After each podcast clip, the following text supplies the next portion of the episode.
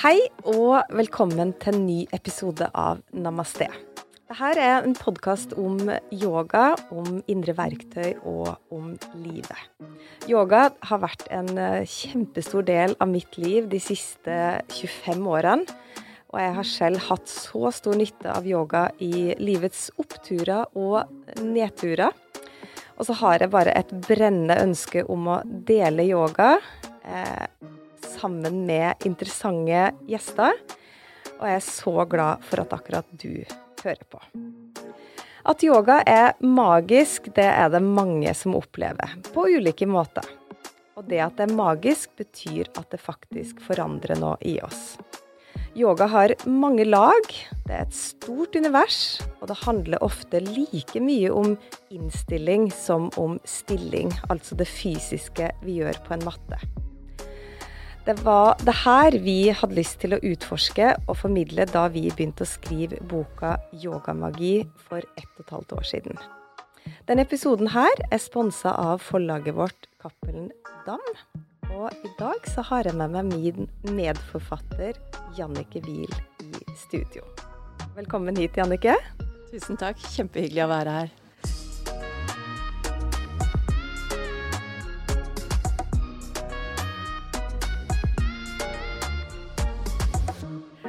Du, hva er yogamagi? For meg er yogamagi den utrolig gode følelsen av at noe roer seg og blir stille inni meg. Og at et rom som har vært kaotisk, plutselig blir stille og konsentrert. At vi forandrer stemningen ikke bare rundt oss, men inni oss. At det plutselig åpner seg opp nye muligheter i hvordan vi tenker omkring ting, fordi at vi kommer ut av stressmodus. For meg er det yoga-magi, og ja, det er disse tingene jeg har ønsket så sterkt å formidle både på kurs og gjennom det som vi har skrevet sammen. Ja, for det er jo den her yogablissen som alle snakker om, som man egentlig syns er litt vanskelig å forklare. Det kan være kjempevanskelig å forklare. Jeg hadde en opplevelse forleden dag. Jeg hadde en yogaklasse, eh, og min gruppe kom inn litt sent i forhold til når vi skulle starte, fordi gruppen som var før meg, de kom ut eh, litt sent av rommet, og det var mye kaos og eh, matter og mennesker på kryss og tvers. Og veldig høy stemning i rommet. De var litt sånn gira fordi at de hadde hatt en god yogatime. Og så tenkte jeg når jeg gikk og satte meg på plassen min som lærer, hvor lang tid kommer jeg til å bruke nå før vi opplever at vi lander? Fordi alle måtte liksom styre litt for å komme på plass på matten. Og så etter to minutter så er det helt stille i rommet. Jeg tenker bare så kort tid tar det fra at vi er litt sånn kaotiske, styrer og tenker og masse ting i hodet omkring oss, til at det blir så stille. For meg er det helt, helt magisk.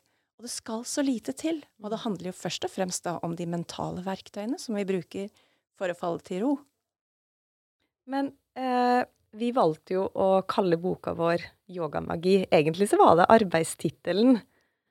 Men på slutten av prosessen så ble det det som ble navnet. Ja, jeg husker vi lurte på om forlaget kom til å godta den tittelen. At de kanskje ville synes at det var litt for out there på en eller annen måte. Men jeg tror at det er veldig stor interesse for, for både det magiske og det litt mystiske. Mm. Eh, nå er jo ikke boken veldig mystisk i det hele tatt, men at likevel er det noe som har forandret seg i folks bevissthet, som man virkelig ønsker å ha verktøy for endring. Mm. Og dette med verktøy for livsmestring var jo noe som vi snakket om helt fra begynnelsen av, at vi ønsket, ønsket å proppe boken full av gode verktøy. Og det, det er den jo virkelig. Men hvorfor trenger folk de verktøyene her? Jeg opplever rundt meg at det er veldig mange mennesker som både er stressa og urolige. Mange som kan være litt nedstemt i perioder, eh, streve med ting. Um, ja, bare manglende tro på seg selv, manglende tro på verden, på livet, slike ting som gjør at ja, vi trenger å få jobbet med vår egen selvtillit, vår egen tillit til verden, vår egen evne til å ta vare på oss selv og rose oss selv. Det er et ganske utfordrende liv vi lever i i den moderne verden. Mm. Um, jeg tror ikke at det er uten grunn at skolen også har blitt opptatt av å formidle livsmestring som et fag. Vi trenger det alle sammen. Mm. Everyone knows therapy is great for solving problems, but getting therapy has its own problems too, like finding the right therapist, fitting into their schedule, and of course, the cost. Well, BetterHelp can solve those problems. It's totally online and built around your schedule. It's surprisingly affordable too. Connect with a credentialed therapist by phone, video, or online chat, all from the comfort of your home. Visit betterhelp.com to learn more and save 10% on your first month.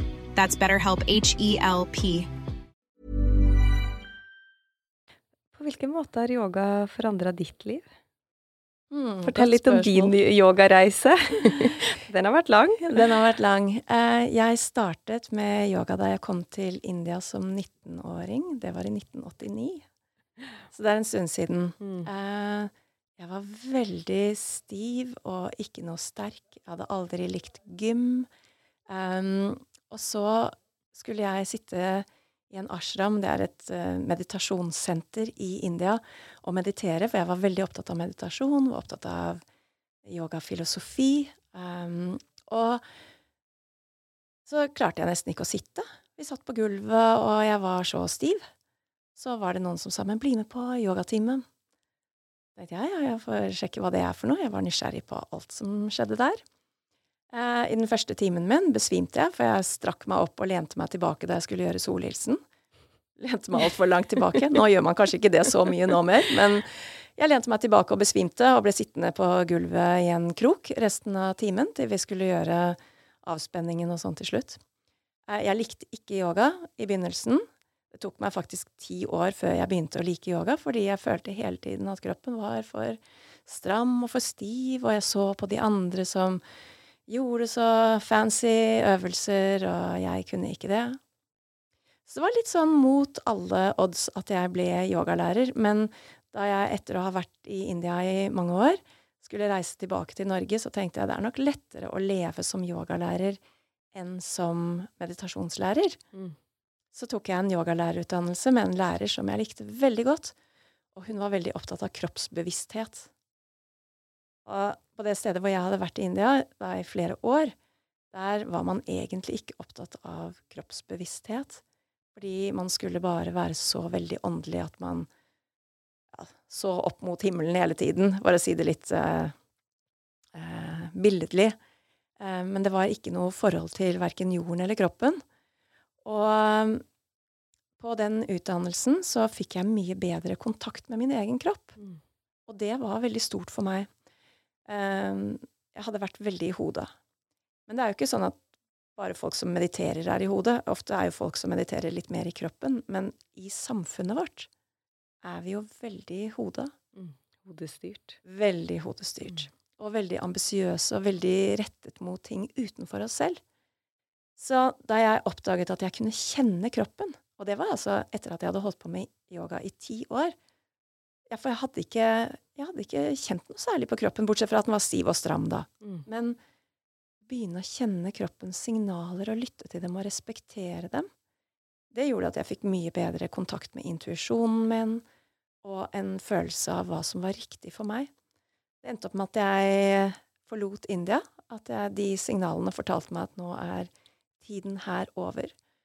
Og da ble jeg veldig opptatt av å formidle dette med kroppsbevissthet da jeg kom hjem. Så jeg følte at jeg gjennom yogapraksisen fikk kroppen min tilbake, og gjennom de verktøyene har fått bedre kontakt med egen kropp, sånn at jeg kan styre livet mitt litt mer fra innsiden, og ikke bare fra de ambisjonene som hodet mitt har satt. Mm. Hvordan opplevde du For det her er jo også mange år siden når du kom hjem og starta Oslo Yoga etter hvert. Og, og, hvordan opplevde du å eh, skulle formidle yoga på den tida? Det var i 2001 jeg kom tilbake fra å ha bodd åtte år i India. Og, mm, og, jeg hadde vært andre steder også i mellomtiden. Um, akkurat da jeg kom tilbake, hadde Sats og Elixia begynt å tilby yoga på treningssentrene. Og det skapte en veldig stor endring i folks holdninger til yoga. Fordi mens jeg var i India, når jeg kom på besøk til Norge og fortalte hva jeg gjorde i India, da var det noen som De skulle liksom vise at de visste litt om yoga, så sa de ja, jeg har en litt sånn rar tante som holder på med yoga. Men i 2001, da jeg kom tilbake, da, da begynte folk å ha prøvd yoga på treningssentrene. Og treningssentrene de var interessert i å ha folk som kunne yoga, som kunne undervise der. Så jeg begynte med å undervise på Elixia eh, i eh, Sandvika og Asker og på Majorstua, og var med akkurat i den bølgen da yogainteressen begynte å stige. Mm. Og da det begynte å bli mer normalt med yoga. Og det har jo vært utrolig gøy, da, disse 20 årene, hvordan yoga har blitt mer og mer populært og stuerent, og alle har prøvd det. Ja. For det har jo skjedd en kjempestor forandring. Ja, og jeg takker treningskjedene for at de introduserte folk for yoga. Det har vært kjempeviktig mm. for yogas popularitet. Mm. Men hvordan var det da når du åpna Oslo Yoga? Eh, det tok litt tid før jeg fant riktig sted å være på, og etter at jeg begynte å undervise på Sagene og sa her skal Oslo Yoga være, så bare begynte det å blomstre, for der var det så mange mennesker som var interessert. Det var ikke så mye annet tilbud. Folk strømmet til, og alle kursene jeg satte opp, ble fulle. Og jeg begynte å samarbeide med andre yogalærere, og kursene ble fortsatt fulle. Etter hvert som vi utvidet tilbudet, fortsatte det å fylle seg opp. Og det var en utrolig morsom utvikling gjennom veldig mange år. Mm. Å få to lokaler, tre lokaler, sånn at vi utvidet i takt med etterspørselen. Så det vokste veldig organisk, og vi hadde aldri masse penger som vi satset for å markedsføre eller bygge opp. Det vokste bare fordi at folk ville ha yoga. Det er jo så kult. Og det er kjempegøy. Og så starta du Oslo um, yogafestival. Ja. Det er 15 år siden nå, så det har jo vært, eller kanskje 17 år siden til og med. Eh, så det har vært et årlig arrangement hvert år i januar i mange år, hvor yogalærere kommer fra hele landet. Og jeg må si én ting som var veldig annerledes med yogafestivalen helt i begynnelsen, som jeg tror også hadde en positiv virkning på yogamiljøet. Før jeg startet yogafestivalen, var det slik at de fleste yogasentrene bare hadde én type yoga. Hvis man hadde et ashtanga-studio, holdt man bare på med ashtanga-yoga. Hvis man hadde et yogastudio som var basert i en mer meditativ tradisjon, hadde man bare det.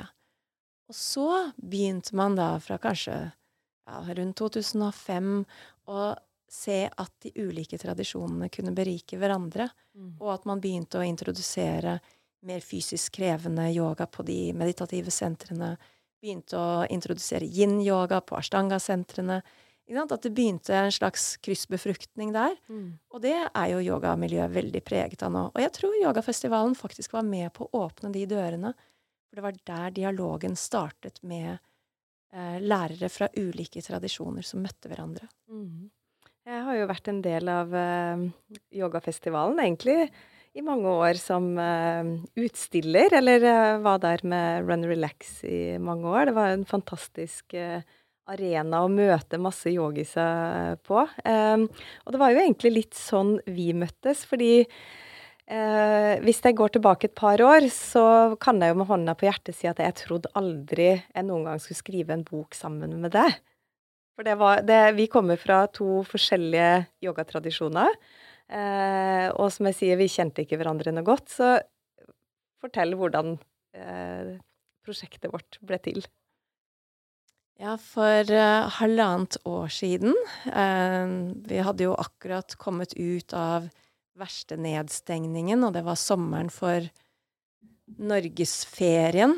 Uh, jeg sto på en, en, utenfor en bokhandel i, um, på Majorstua og så en bok som het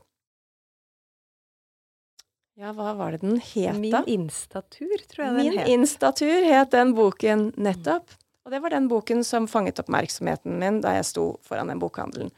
Så jeg kjøpte min instatur og tenkte etterpå, men eh, burde vi ikke ha en bok som heter Min Insta-yoga? Så ringte jeg til Cappelen Dam og spurte om de ikke var interessert i det. Så sa de jo, høres interessant ut, men hva betyr nå Insta-yoga, er ikke det noe som man egentlig ikke syns er så innmari kult? Og det høres jo veldig overfladisk ut. Så det er faktisk veldig mange mennesker som legger ut flotte yogabilder på Instagram, som har ganske mye å formidle. Ikke bare eh, at dette er en fancy posisjon å se på meg, men som har lyst til å dele yoga på en genuin måte. Og det som jo er fantastisk med Instagram og med det nye som har vokst fram, er at man ikke trenger å sette seg så mye inn i ting og dra til India i 10-20 år, eller bo i et meditasjonssenter, men man kan faktisk få kjempestort utbytte av å gjøre yoga kort. Mm. Man kan få utbytte av det fra første gang man setter seg på yogamatten. Og man kan gjøre én yogastilling og få et skikkelig kick av det. Så de ble nysgjerrige på prosjektet. Eh, de spurte meg hvor mange følgere jeg hadde på Instagram, og det var ikke noe særlig å skryte av. Så sa jeg men jeg trenger jo ikke å skrive denne boken selv, jeg ville bare dele ideen, for jeg syns det er så gøyal idé. Så jeg kan jo snakke med andre som jeg kjenner, som har mye mer erfaring med Instagram. Og så tenkte jeg litt på hvem jeg kjente. Og vi kjente jo hverandre da fra yogafestivalen, som du sier. Og jeg vet jo hva du representerer, både av en utrolig imponerende, solid personlig praksis. Takk. ja, jeg føler du er mye mer solid i din fysiske yogapraksis enn det jeg er, med så dedikert som du praktiserer hver eneste dag, nesten. Og um, ja. Så det er jo noe som imponerer meg, men også den ærligheten og åpenheten du har i forhold til din egen prosess. Mm. Og det var helt åpenbart at forlaget ville gjerne ha noen som var personlige. Mm. Eh, at det å skrive en bok om yoga handlet ikke bare om å komme med noen tørre beskrivelser av noen øvelser. Det har vært gjort før. Mm. Men at det var noen som også ville dele hvordan yoga har påvirket dem, hvordan de har brukt yoga, hvordan de har balet med forskjellige ting og hatt nytte av yoga. Eh, så du var jo den perfekte medforfatteren, i tillegg til at du kan beskrive øvelser som verken jeg kan gjøre eller er noe god på å beskrive. Så vi var jo en veldig god match, fordi jeg følte at med de personlige um, beretningene og vitnesbyrdet som du har i forhold til din egen praksis, og dette med å snakke om en annen innstilling til yoga, Mm. så kunne vi utfylle hverandre veldig godt. Ja, for la oss snakke litt om det, fordi jeg tenkte når du skulle eh, komme hit Det blir jo litt sånn på en måte litt reklame for vår bok, så det håper jeg at de som lytter på, eh, tar eh, godt imot. Men eh, fordi at det vi egentlig ønsker å formidle gjennom den boka, er jo det her med innstilling kontra stilling. Eh, og jeg må jo si, hvis det er liksom sånn fra et personlig plan, da, i forhold til at eh, lockdown og covid-pandemien ble en så krevende eh, periode for meg, hadde en skikkelig stor livskrise i, eh, i den perioden. Eh, og jeg, had, jeg, har jo vært veldig opptatt av den her, nettopp den her fysiske praksisen fordi jeg driver med ashtanga-yoga. Det er en av de mest fysiske tradisjonene eh, i yoga. Uh, og har nok vært veldig opptatt av liksom hva kroppen kan prestere. Um, men jeg hadde et sånt skifte i den perioden også med hvordan jeg brukte yoga, og, og hvordan yogaen faktisk påvirka meg sånn i sinnet, da, fordi jeg trengte som aldri før. Um, og, det, det, det, og nå har det jo blitt bare mer og mer viktig for meg å formidle. Det er jo ikke det at jeg ikke ønsker å formidle det fysiske aspektet med yoga. Fordi veldig mange møter jo prosessen med å være på matta og bevege seg fysisk. Men mer og mer opptatt av liksom den her innstillinga. Og der har jo jeg blitt så inspirert av det. Så når vi jobba med prosjektet, eh, og vi drev og utveksla en del tekster med hverandre og sånn, så var jeg sånn men her er jo det jeg har savna. Det her er jo tekster som jeg ønsker å lese, som jeg på en måte kan slå opp og bli inspirert av. Ikke nødvendigvis for å stille meg på matta og gjøre den stillinga, men hvordan jeg kan tenke. Og det, det, er jo, som jeg sier, litt sånn essensen i, i det vi ønsker å formidle. Altså innstillinga vi har til livet. Innstillinga til å møte motstand, til å, til å møte den hverdagen vi har, da? Jeg opplever jo virkelig at Yoga Magi har blitt en selvutviklingsbok, ikke bare en yogabok. Eh, og jeg hadde så lyst til, når vi gikk gjennom boken på slutten, å bare sjekke kan vi få det til slik at hver eneste side blir inspirerende. Og det følte jeg at vi har fått til, og det er kjempegøy. Fordi det som jeg har sett rundt meg, både med kolleger og kursdeltakere, de siste årene med nedstengninger og alle de utfordringene vi har stått i, både med nedstengningene og helsefrykten som oppsto, og også de økonomiske utfordringene som har fulgt med alt dette, så har det vært ganske mye nedstemthet rundt omkring. En slags kollektiv depresjon, nesten. Og for meg som yogalærer var det så utrolig viktig å kunne oppfordrer folk både til å fortsette med yogapraksis og få maksimalt ut av den yogapraksisen. Mm. Og det er ikke tvil om at gjennom det å bevege seg, gjennom det å være til stede i øyeblikket, det å være oppmerksom på pusten, så skjer det en forandring helt av seg selv. Så yoga har den magiske effekten uten at man trenger å tenke på så veldig spesielle ting, mm. bare fordi man retter oppmerksomheten mot det som er her og nå. Og det er jo selvfølgelig den viktigste innstillingen i yoga. Vær til stede i deg selv, i det som er her og nå. Mm. Da slipper man jo alt tankespinnet, alle fryktscenarioene som sinnet kan finne på, eh, alt det som vi dveler ved, som vi er lei oss for, som har skjedd. Eh, så det å være til stede er jo den viktigste delingen av innstillingen vi har i yoga. Men det som jeg så, var at folk hadde med seg veldig mye når de kom på yogamatten. Og at det tungsinnet satte seg i kroppen, at folk hadde lavere energi, at folk var mer sammensunket. Det hjalp jo selvfølgelig ikke noe å sitte på hjemmekontor og ikke komme seg ut, ikke være sosiale, ikke løfte blikket og se opp og ut. Og jeg ble så veldig bevisst på hvordan jeg kan bruke indre bilder og tanker og affirmasjoner, altså slags sånn bekreftende setninger som vi kan si til oss selv, for å være med og hjelpe å løfte sinnet når vi gjør yoga. Mm. Uh, og da jeg begynte å bruke det aktivt mens jeg underviste digitalt under nedstengningen, så så jeg dette her Dette kan vi kanskje klare å formidle på en mer systematisk måte gjennom en bok. Bare som det å strekke armene opp og tenke at du tar imot noe godt. Eller hvis du holder én arm løftet og forestiller at du holder et flagg eller en fakkel for frihet, eller det å løfte blikket og tenke at man ser utover et ubegrenset, stort landskap Altså ting som gjør at vi kan bli løftet mens vi gjør noe fysisk. Vi løfter en arm, men kan vi også løfte blikket? Kan vi også løfte sinnet? Og som regel så klarer vi å legge bort andre tanker når vi gjør yoga. Men noen ganger kan disse små hintene være med på wow, få til det indre smilet og den gleden. Og jeg ser det når jeg bruker de yogatimene mine. Plutselig så kommer det mer smil. Plutselig kommer det mer energi i rommet. Plutselig er det noe som skjer som er annerledes.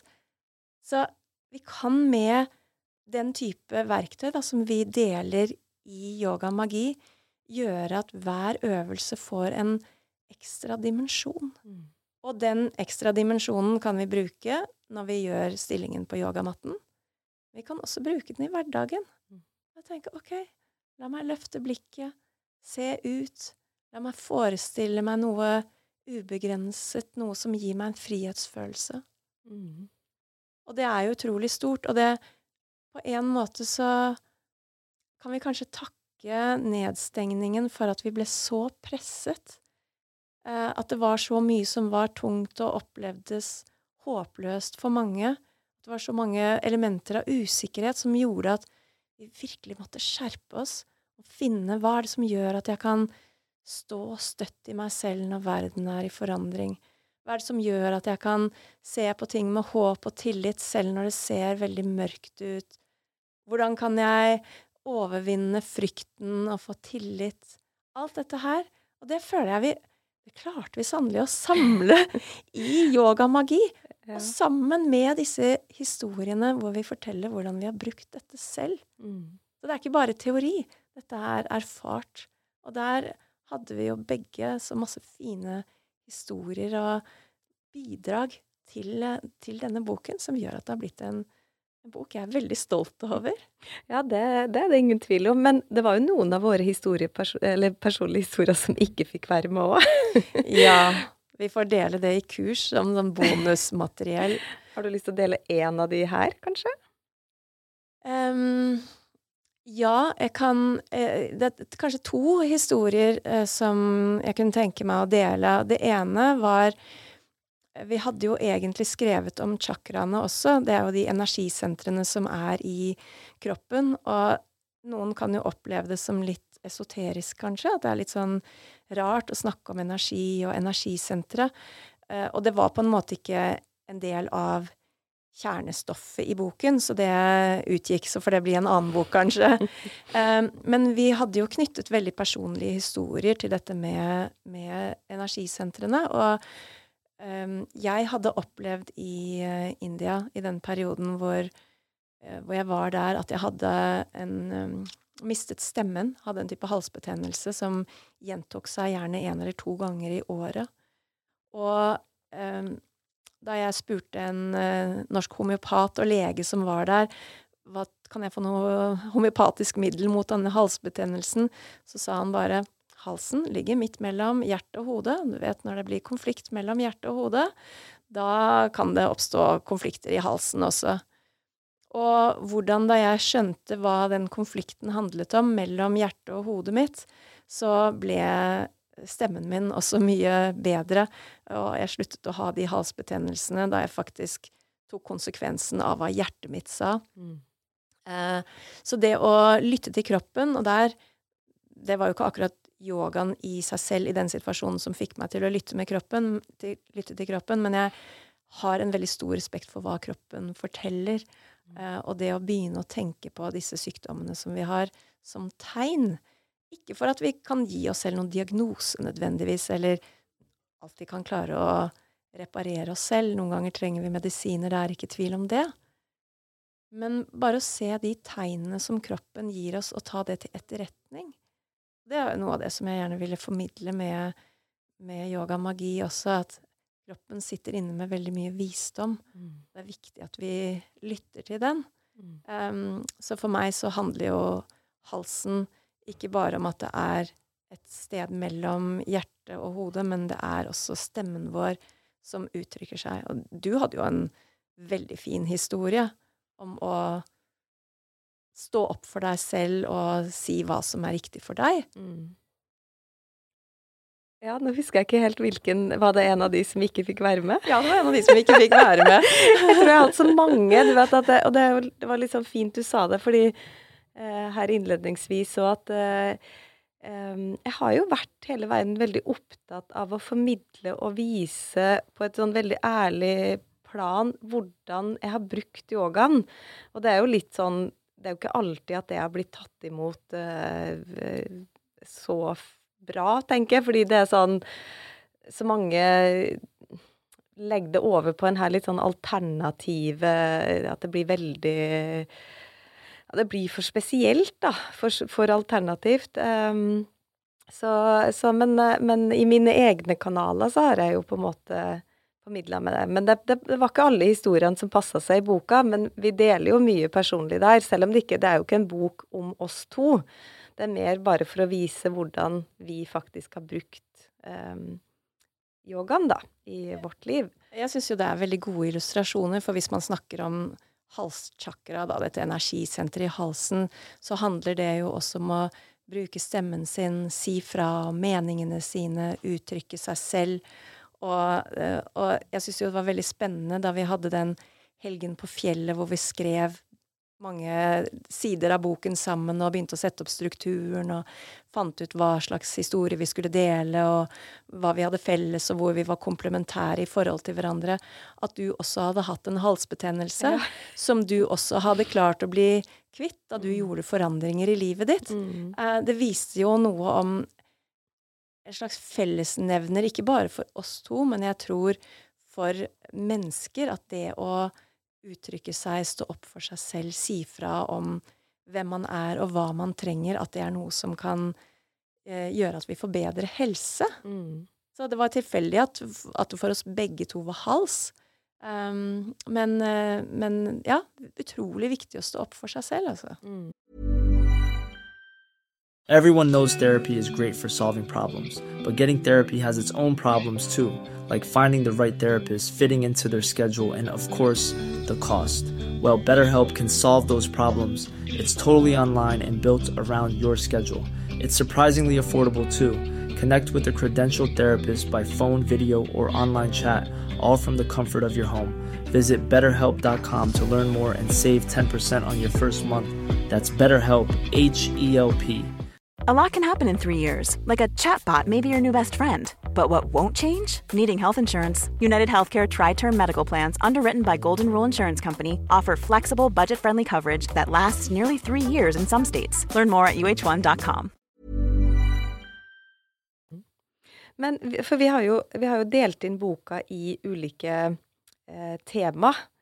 Eh, det var jo sånn det vi endte opp med til slutt, da. Eh, for som jeg sier, vi, det, det var jo en prosess det her med å, å skape det det har blitt. Men nå er det jo på en måte ulike tema som eh, Hvor du egentlig kan slå opp og eh, finne nå eh, Altså stillinga yoga for hva du trenger. Altså vi har yoga når du trenger ro, yoga når du trenger energi, yoga når du eh, trenger å stå støtt.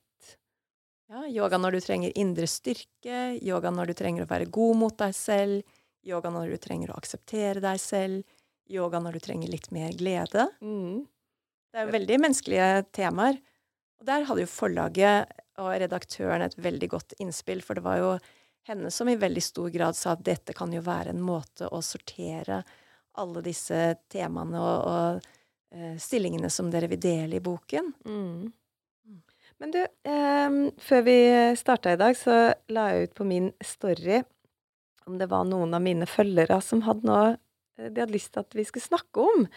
Eh, og det er jo et tema som jeg tror er veldig viktig, og som jeg føler går igjen hele veien. Fordi veldig mange snakker jo om det å eh, at, at man når, når man sier at ja, men du bør gjøre yoga, så er det sånn ja, men jeg er for stiv. Ikke sant? At, at liksom man har en for stiv kropp. Eh, og hun hadde et ønske om eh, det at det presiseres eh, gang på gang at yoga handler egentlig ikke om å bli myk. Og jeg kan jo føle at det er litt treffende for meg, fordi jeg formidler jo den her fysiske praksisen, og at eh, jeg legger jo ofte ut bilder av at jeg gjør litt sånn akrobatiske ting som, som viser at jeg har blitt myk i løpet av de her årene eh, på matta. Eh, men hun skriver jo at eh, yoga handler om å orke å møte seg selv i alt det stive. Orke å være i det som er. Eh, og alle blir jo mykere etter hvert, men det viktigste er vel å mykne sinnet. Veldig godt sagt. Ja. Jeg får umiddelbart assosiasjon til en av de stillingene som vi har med i boken, den sittende foroverbøyen, der du blir avbildet, og du er jo myk og veldig komfortabel i en sittende foroverbøy. Jeg er jo ikke så komfortabel i det å sitte med strake ben og bøye meg forover. Og da jeg startet med yoga, så ville jeg så gjerne bli mykere, og jeg ville kunne nå føttene mine. Det var ambisjonen min, men jeg nådde bare knærne da jeg startet. Uh, og nå har jeg blitt mykere med årene, men det som vi skriver om i boken, er kan du være god mot deg selv? Kan du gi deg selv litt anerkjennelse og ros? Og vi tok jo denne stillingen som utgangspunkt, for jeg vet at mange strever i den sittende foroverbøyen. Man sitter der med de strake beina, og så klarer man knapt å bøye seg forover, og man kjenner bare å, det er stivt på baksiden av bena, og det er stivt i ryggen, og alt strammer. Og da er jo spørsmålet, kan jeg si noe hyggelig til meg selv, istedenfor å si å, jeg klarer ikke, og jeg er stiv, som jo er sinnets vanlige tendens, hvor vi dømmer, og hvor vi er strenge mot oss selv. Hvordan kan vi da gjøre noe godt mot oss selv? Og jeg tror jo det å si noe godt til seg selv er noe som vi ikke bare trenger på yogamatten, vi trenger å gjøre det i hverdagen. Vi trenger å kunne se oss selv i speilet og si du er god nok som du er. Du ser bra ut i dag. dette skal bli en fin dag. ja, og, men jeg må bare få lov til å skyte inn akkurat i den, den stillinga. Som jeg sier, jeg har jo jobba med disse stillingene daglig i mange år. og det, er jo for, for, mange, ikke for alle, så blir man etter hvert mykere, altså mer bevegelig i kroppen, da. Men um, når jeg tok min første teacher training i 2005 eh, i England, eh, med en litt sånn rigid eh, dame eh, som holdt oss i posisjoner i mange minutter. Og da hadde jeg en opplevelse med akkurat den eh, stillingen, hvor du sitter med bena eh, fra hverandre og bøyer frem. Eh, og, og, litt av på en måte Sånn som jeg jobber med yoga, er jo å bruke pusten inn i stillingene. Det å eh, prøve å bruke pusten til å slippe i spenninga, for vi har jo så mye spenninger i kroppen. Eh, og veldig mye sitter, som du sier, i hoftene og i, i, ryggen og Men da har jeg et bilde av meg sjøl av at jeg har da kommet helt ned i gulvet med brystet. Og så er det et eller annet som forløser seg i den altså prosessen ned dit. Eh, ting som slipper, og jeg gråter hele tida mens jeg ligger der. Og jeg har et, da et bilde av at jeg har en dam rundt ansiktet mitt fordi det var et eller annet som slapp, og tårene bare rant. Og det, det er en sånn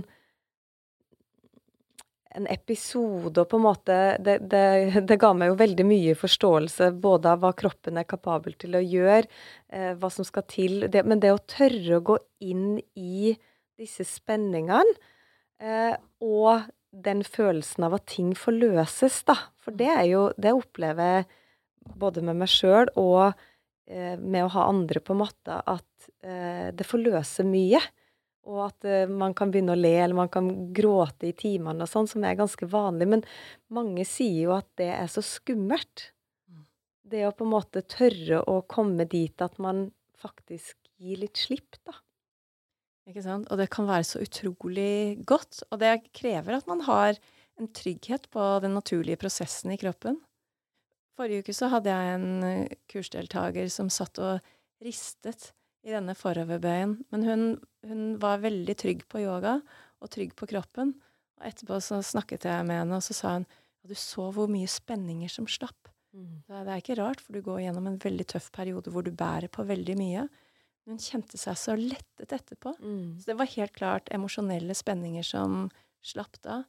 Men jeg vil si en ting i forhold til det å være myk. Eh, det i begynnelsen Jeg sa jo hvor utrolig stiv jeg følte meg gjennom mange år, og kroppen min ble mer bevegelig. Men kroppen min har også, som alle kropper, naturlige begrensninger. Og for meg var det en utrolig stor lettelse da jeg så en video fra en uh, amerikansk lærer som heter Paul Griller, som har sammenlignet skjelett eh, hos ulike mennesker. Og han har samlet sammen knokler for å vise hvor forskjellige bekken- og hofteleddene er, hvor forskjellige skulderleddene er, hvor forskjellige ryggvirvlene er hos forskjellige mennesker. Eh, og det er to lærere, eller flere lærere i Norge som har vært og studert hos dem, og de holder workshops som jeg syns er utrolig verdifulle, hvor man er mange mennesker da i en gruppe, og vi sammenligner hvordan kroppene går inn i ulike yogastillinger. Mm.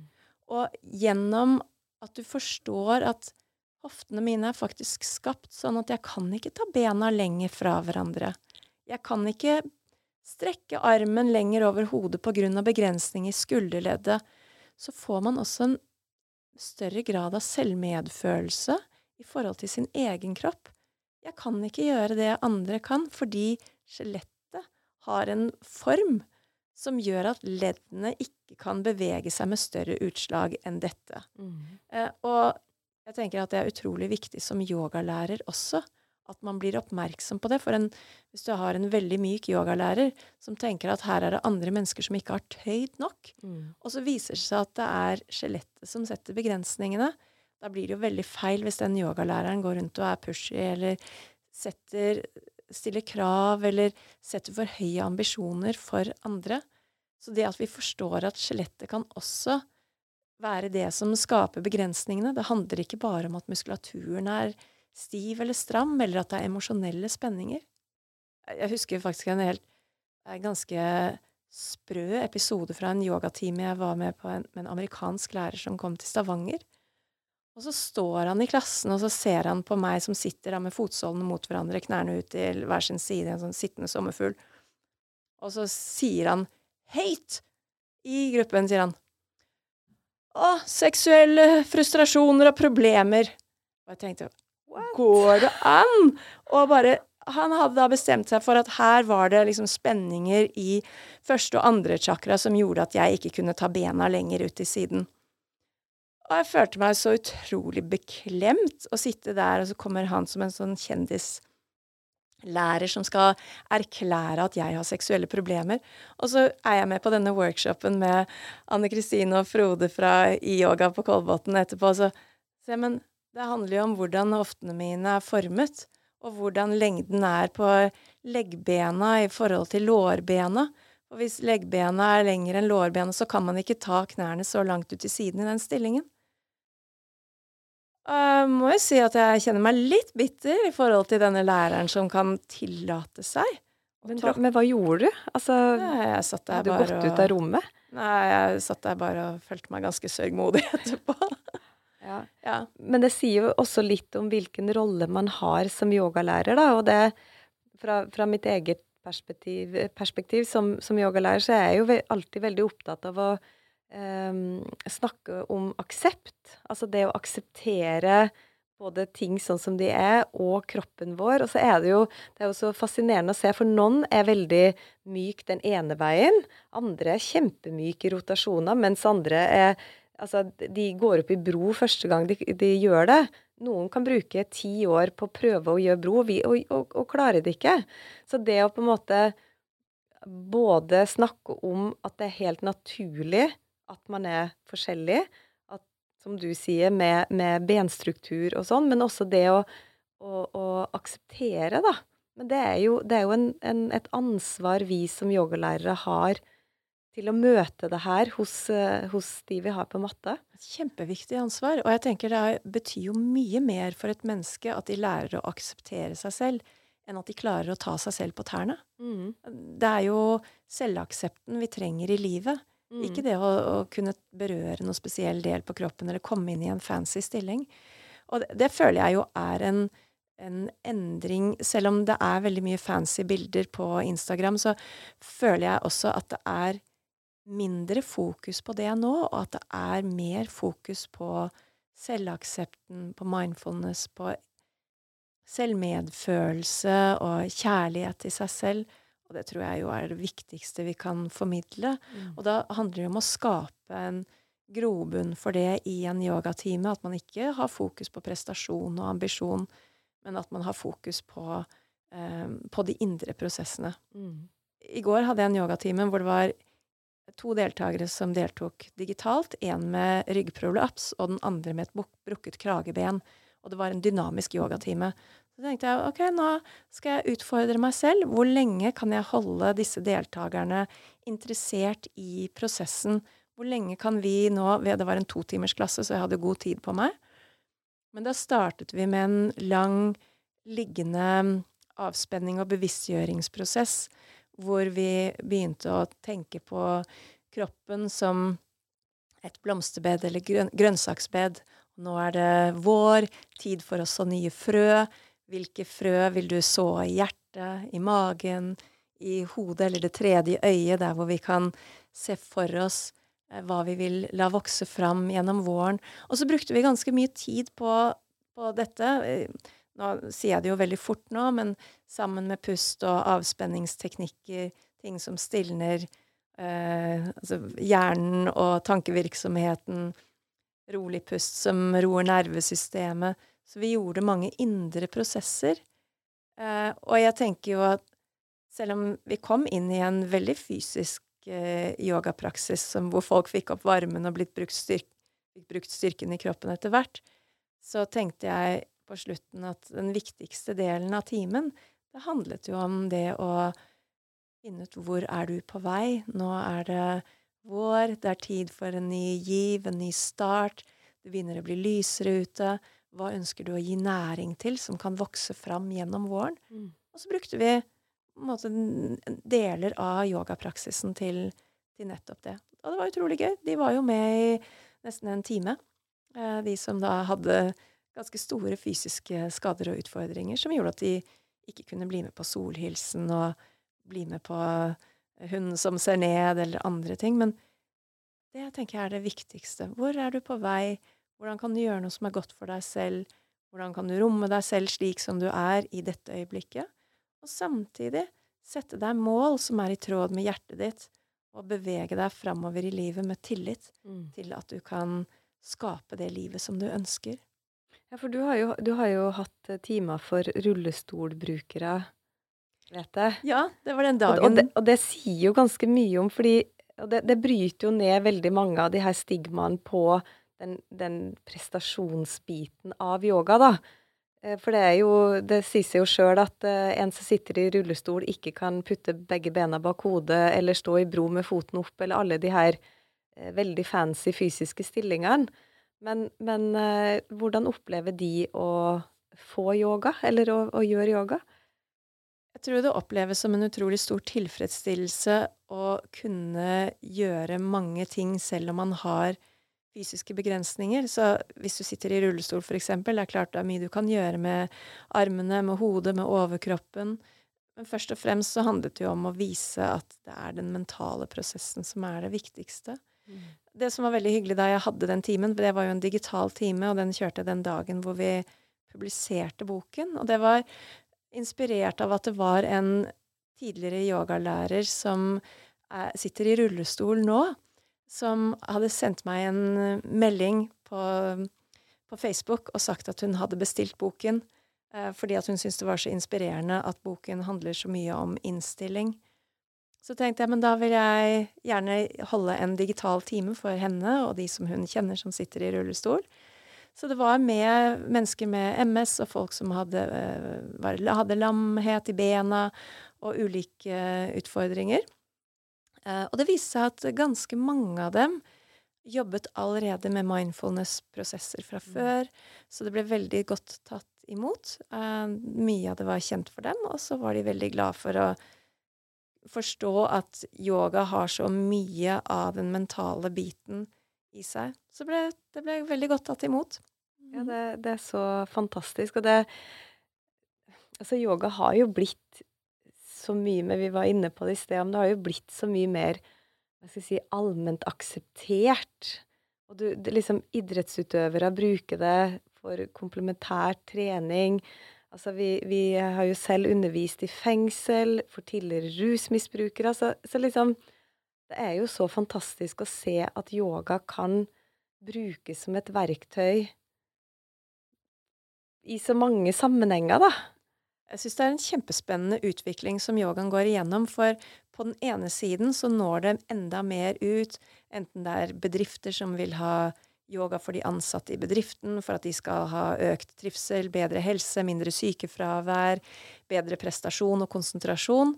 Eller det er, som du sier, idrettsutøvere, dansere. Vi har ganske mange skuespillere og scenekunstnere og musikere som går på yoga hos oss på Oslo Yoga som bruker det for å ha det bedre i det de gjør, enten det er å roe nervene før de går på scenen, eller det handler om å ha mer bevegelighet eh, og mindre slitasje når man spiller instrumenter.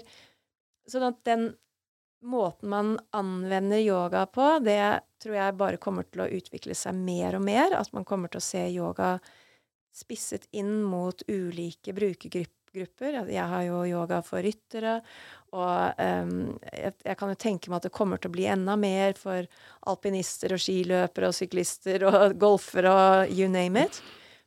Og samtidig som vi ser at yoga når ut i det praktiske livet, blir så konkret og spisset inn mot at vi skal få det bedre i hverdagen, så er det jo også en veldig økende interesse for yogafilosofi. Mm. Jeg har startet et digitalt kurs nå i februar, hvor vi møtes på Zoom en gang i måneden for å snakke om yogafilosofi. Og dette har jeg drømt om siden jeg kom fra India. Så i over 20 år har jeg ønsket å ha et yogafilosofi og meditasjonskurs. Og nå skjer det i 2023 for første gang. Og jeg har jo 30 deltakere. Det er så utrolig gøy at det er så stor interesse for de indre prosessene og for visdommen som ligger i den gamle tradisjonen. Mm. Altså på den ene siden har du den bevegelsen av at yoga går mot det praktiske og inn i hverdagen. Og på den andre siden er fordypningen inn i dette mystiske og magiske og dype indre arbeidet. Eh, jeg, det er ikke noe rart at man fortsetter å være inspirert som yogalærer når yogaen fortsetter mm. å utvikle seg, og alle disse dimensjonene blir tilgjengelige for, for oss og for alle. Mm. Men jeg, jeg, må få lov til å skyte inn, da. Det er jo fordi at jeg driver med ashtanga-yoga, som er den her fysiske. Fordi det å mestre, det å få til Det handler jo ikke nødvendigvis om å skulle bli myk, men, men den følelsen av å mestre stillinga. Eh, for i ashtanga så er det jo ofte sånn at sant, du, du, får en ny stilling av en lærer, og så jobber du kanskje lenge med den, og så plutselig så sitter den. Og den følelsen av mestring, da, det, det er jo noe av det som gjør til at jeg blir så inspirert til å fortsette. Og det, jeg har sagt det i, i podkasten her før, men det er sånn, jeg får jo ofte spørsmål om blir du aldri lei?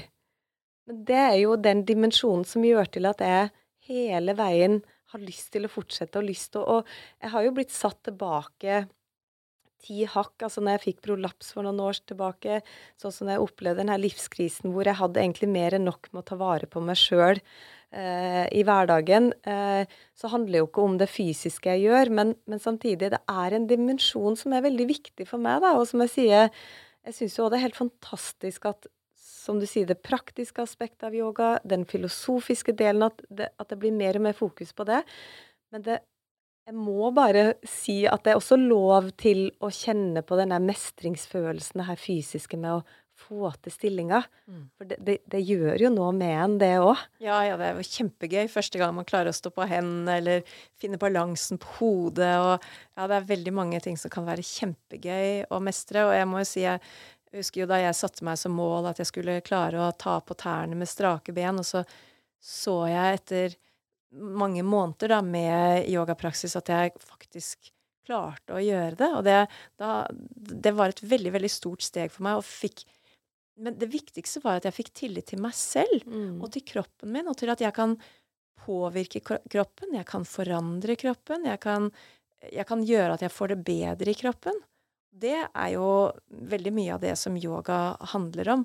Og noen ganger vil det være gjennom å utfordre seg selv ved å klare å mestre ulike stillinger, eller at man klarer å holde konsentrasjonen lenge nok til at man kan sitte stille i meditasjon en viss lengde, eh, eller at man klarer å gi seg selv en challenge hvor jeg skal gjøre et visst program hver dag over en lengre periode. Det er mange måter man kan oppleve mestring. Mm. Jeg liker godt denne øvelsen i yoga magi hvor vi står i et utfall, strekker armene opp og bare tenker på noe vi har mestret. fordi Folk mestrer ting i hverdagen også, så glemmer de kanskje å tenke litt på hvor mange utfordringer de står i, og hva de har klart å komme seg gjennom. Og det at vi har opplevelser av mestring, og ikke bare har opplevelsene, men at vi husker på det, mm. det er jo med på å gi oss selv kraft og styrke til å stå i utfordringer som kommer. Mm. Det var min eh, post i dag, faktisk. Henta fra boka. For det er jo en av mine favoritter Eh, hva jeg skal si, både øvelser og tankeprosesser. Akkurat det der med å kjenne og gå tilbake på ting jeg har mestra. Så vi har jo en stilling hvor du står i bro med foten opp, og jeg vet at det er en stilling som absolutt ikke er tilgjengelig for alle. Og det er ikke for å liksom skryte av at man kan det, men det, det er nettopp det her med å um, kjenne på mestringsfølelse, da. Om det, det, blir jo bare en illustrasjon på én øvelse, men den, det der med å også ta opp det og bruke det liksom, for, for, man har mestra mange ting på ulike plan, og det er så viktig å ta med seg. For meg så handler yoga magi i så stor grad om dette med mestring og empowerment. Det å få tro på at vi kan. Mm. Eh, og for oss så ble jo erfaringen med det å skrive boken og få den utgitt på Cappelen Dam, som er Norges største forlag, med den posisjonen de har i bokverden. Det var jo en kjempeprestasjon og ga en kjempeopplevelse av mestring. Og tenk, det var noe av det som vi fikk til mens yogabransjen lå nede under nedstengninger, og vi opplevde denne kollektive depresjonen i Norge pga. all frustrasjonen og usikkerheten, så fikk vi faktisk utgitt en bok. Mm. Det er så fantastisk. Men du, det, det her er jo litt skryt, da. Eh, jeg håper at man tåler det. Men boka har faktisk blitt utrolig godt tatt imot. Og den har ligget på bokhandlernes bestselgerliste nesten hver uke siden den ble lansert. Og for meg så er det helt overveldende. Det her med min fjerde bok jeg skrev, jeg har aldri snust engang på disse bestselgerlistene, så det er ikke noe sånn jeg er vant til. Um, og jeg er bare utrolig stolt. Hva, og jeg, jeg, har bare tenkt liksom Hva er grunnen til at den boka har da slått an sånn som det har gjort? Det er jeg også nysgjerrig på, men jeg, jeg spurte en som uh, jobber i bokhandelen på Ark på Skøyen, hva hun trodde var grunnen til at denne boken ville nå ut. Og hun sa for det første er den delikat, for det andre så er det voksne mennesker som gjør stillinger. sånn at det er ikke sånn at man tenker at dette her er bare for de som er aller yngst og aller sprekest, og at det er for turnere. Og at øvelsene virker så overkommelige, ikke minst de mentale øvelsene. Mm. Så hun følte at det var en, en yogabok som kunne nå ut til alle. Og det tror jeg jo er tilfellet. Den er inspirerende for folk som har holdt på med yoga før. Og den er en god introduksjon for de som er helt ny til yoga. Både fordi at stillingene blir beskrevet på en klar måte, og fordi at det er veldig mye å velge mellom, og man kan bruke den som en slags oppslagsbok. Mm. Yoga når jeg trenger ro. Ja, men da kan jeg legge meg ned med bena oppetter veggen. Det virker helt overkommelig. Mm. Even when we're on a budget, we still deserve nice things. Quince is a place to scoop up stunning high-end goods for 50 to 80% less than similar brands. They have buttery soft cashmere sweaters starting at $50, luxurious Italian leather bags, and so much more. Plus, Quince only works with factories that use safe, ethical, and responsible manufacturing. Get the high-end goods you'll love without the high price tag with Quince. Go to quince.com/style for free shipping and 365-day returns. Og så har vi jo, Det er jo veldig mye refleksjoner og affirmasjoner, som du nevnte i sted òg. Og, og, jeg har jo skrevet melding til deg eh, i ny og ne, hvor jeg på morgenen sitter i min kosekrok med kaffen min, og så har jeg boka, så slår jeg opp, og så er det da noen av de her affirmasjonene, ikke sant, refleksjonene, som jeg sitter så, så det, det, gir meg så mye, og det høres nesten litt sånn teit ut å skulle si det om sin egen bok, um, men som da er det, det, beriker meg i starten på dagen min, og det er liksom refleksjoner jeg tar med meg ut i, i dagen og i hverdagen. Og det jeg, jeg, føler at det er noe av det jeg på en måte liker kanskje aller best med den, da. Og så er det jo, som noen har sagt, at det, det er lenge siden det har kommet en yogabok på norsk, og at det, det er en bok som ikke eh, bare handler om hvordan du skal gjøre en stilling, for det finnes det jo så mye av uh, fra før, da. Jeg føler at boken handler om å tørre å ha visjoner, tørre å ha drømmer, tørre å gi slipp på de begrensningene som holder oss igjen, sånn at vi kan ta stegene videre på den veien vi, som vi virkelig ønsker å gå. Mm. Og det tenker jeg er relevant for alle, enten de holder på med yoga eller bare er mennesker i verden. Og selv oss, som har holdt på med det så lenge. Kjempeviktig så... at vi fortsetter å gjøre dette indre arbeidet hver dag. Mm. Men uh, nok skryt. Nei da. um, avslutningsvis, uh, Jannicke, så pleier jeg alltid å spørre gjestene mine om deres beste tips. Um, og det kan jo være om det er i forhold til yoga eller liv, eller er det noe du har lyst til å dele? Ja, jeg har lyst til å dele det som er min favorittpraksis. Det er takknemlighetspraksisen. Det å ta et par minutter hver dag til å tenke på noe som man er glad for eller takknemlig for i livet. Virkelig tenke på det med inderlighet. Kjenne det i kroppen. mm, dette, dette er jeg glad for. Det gir en varme i hjertet, og det påvirker faktisk det fysiske hjertet. Det er ikke bare en, en, følelse, men det påvirker oss. Det styrker helsen vår, og det gir oss et mentalt løft. Og det tar ikke mer enn et par minutter, og det kan mm. gjøres hvor som helst. I sengen, på bussen, på slutten av yogapraksisen. Hvor som helst. Mm. Det er så enkelt, og det gir oss så mye indre styrke når vi klarer å forankre oss til det som er godt i livene våre. Mm. Tusen takk for tips. Og så har jeg bare lyst til å benytte anledninga til å eh, takke deg for at du inviterte meg til å være med på prosjektet med yogamagi. Jeg har sagt det til deg flere ganger, men dette var også en fin anledning. Og tusen takk for at jeg fikk jobbe med det og utvikle meg som eh, både yogalærer og yoga entusiast og menneske i den prosessen. Tusen takk for at du ville skrive boken sammen med meg. Jeg har blitt veldig berørt av den personlige måten du tør å dele fra ditt liv og fra dine yogaopplevelser. Eh, jeg har ikke hatt det motet selv, mm. så det syns jeg er veldig rørende og sterkt. Det gir meg inspirasjon, og tusen takk for at du ville skrive boken med meg. Det fikk den virkelig til å fly. Vi håper at den flyr videre.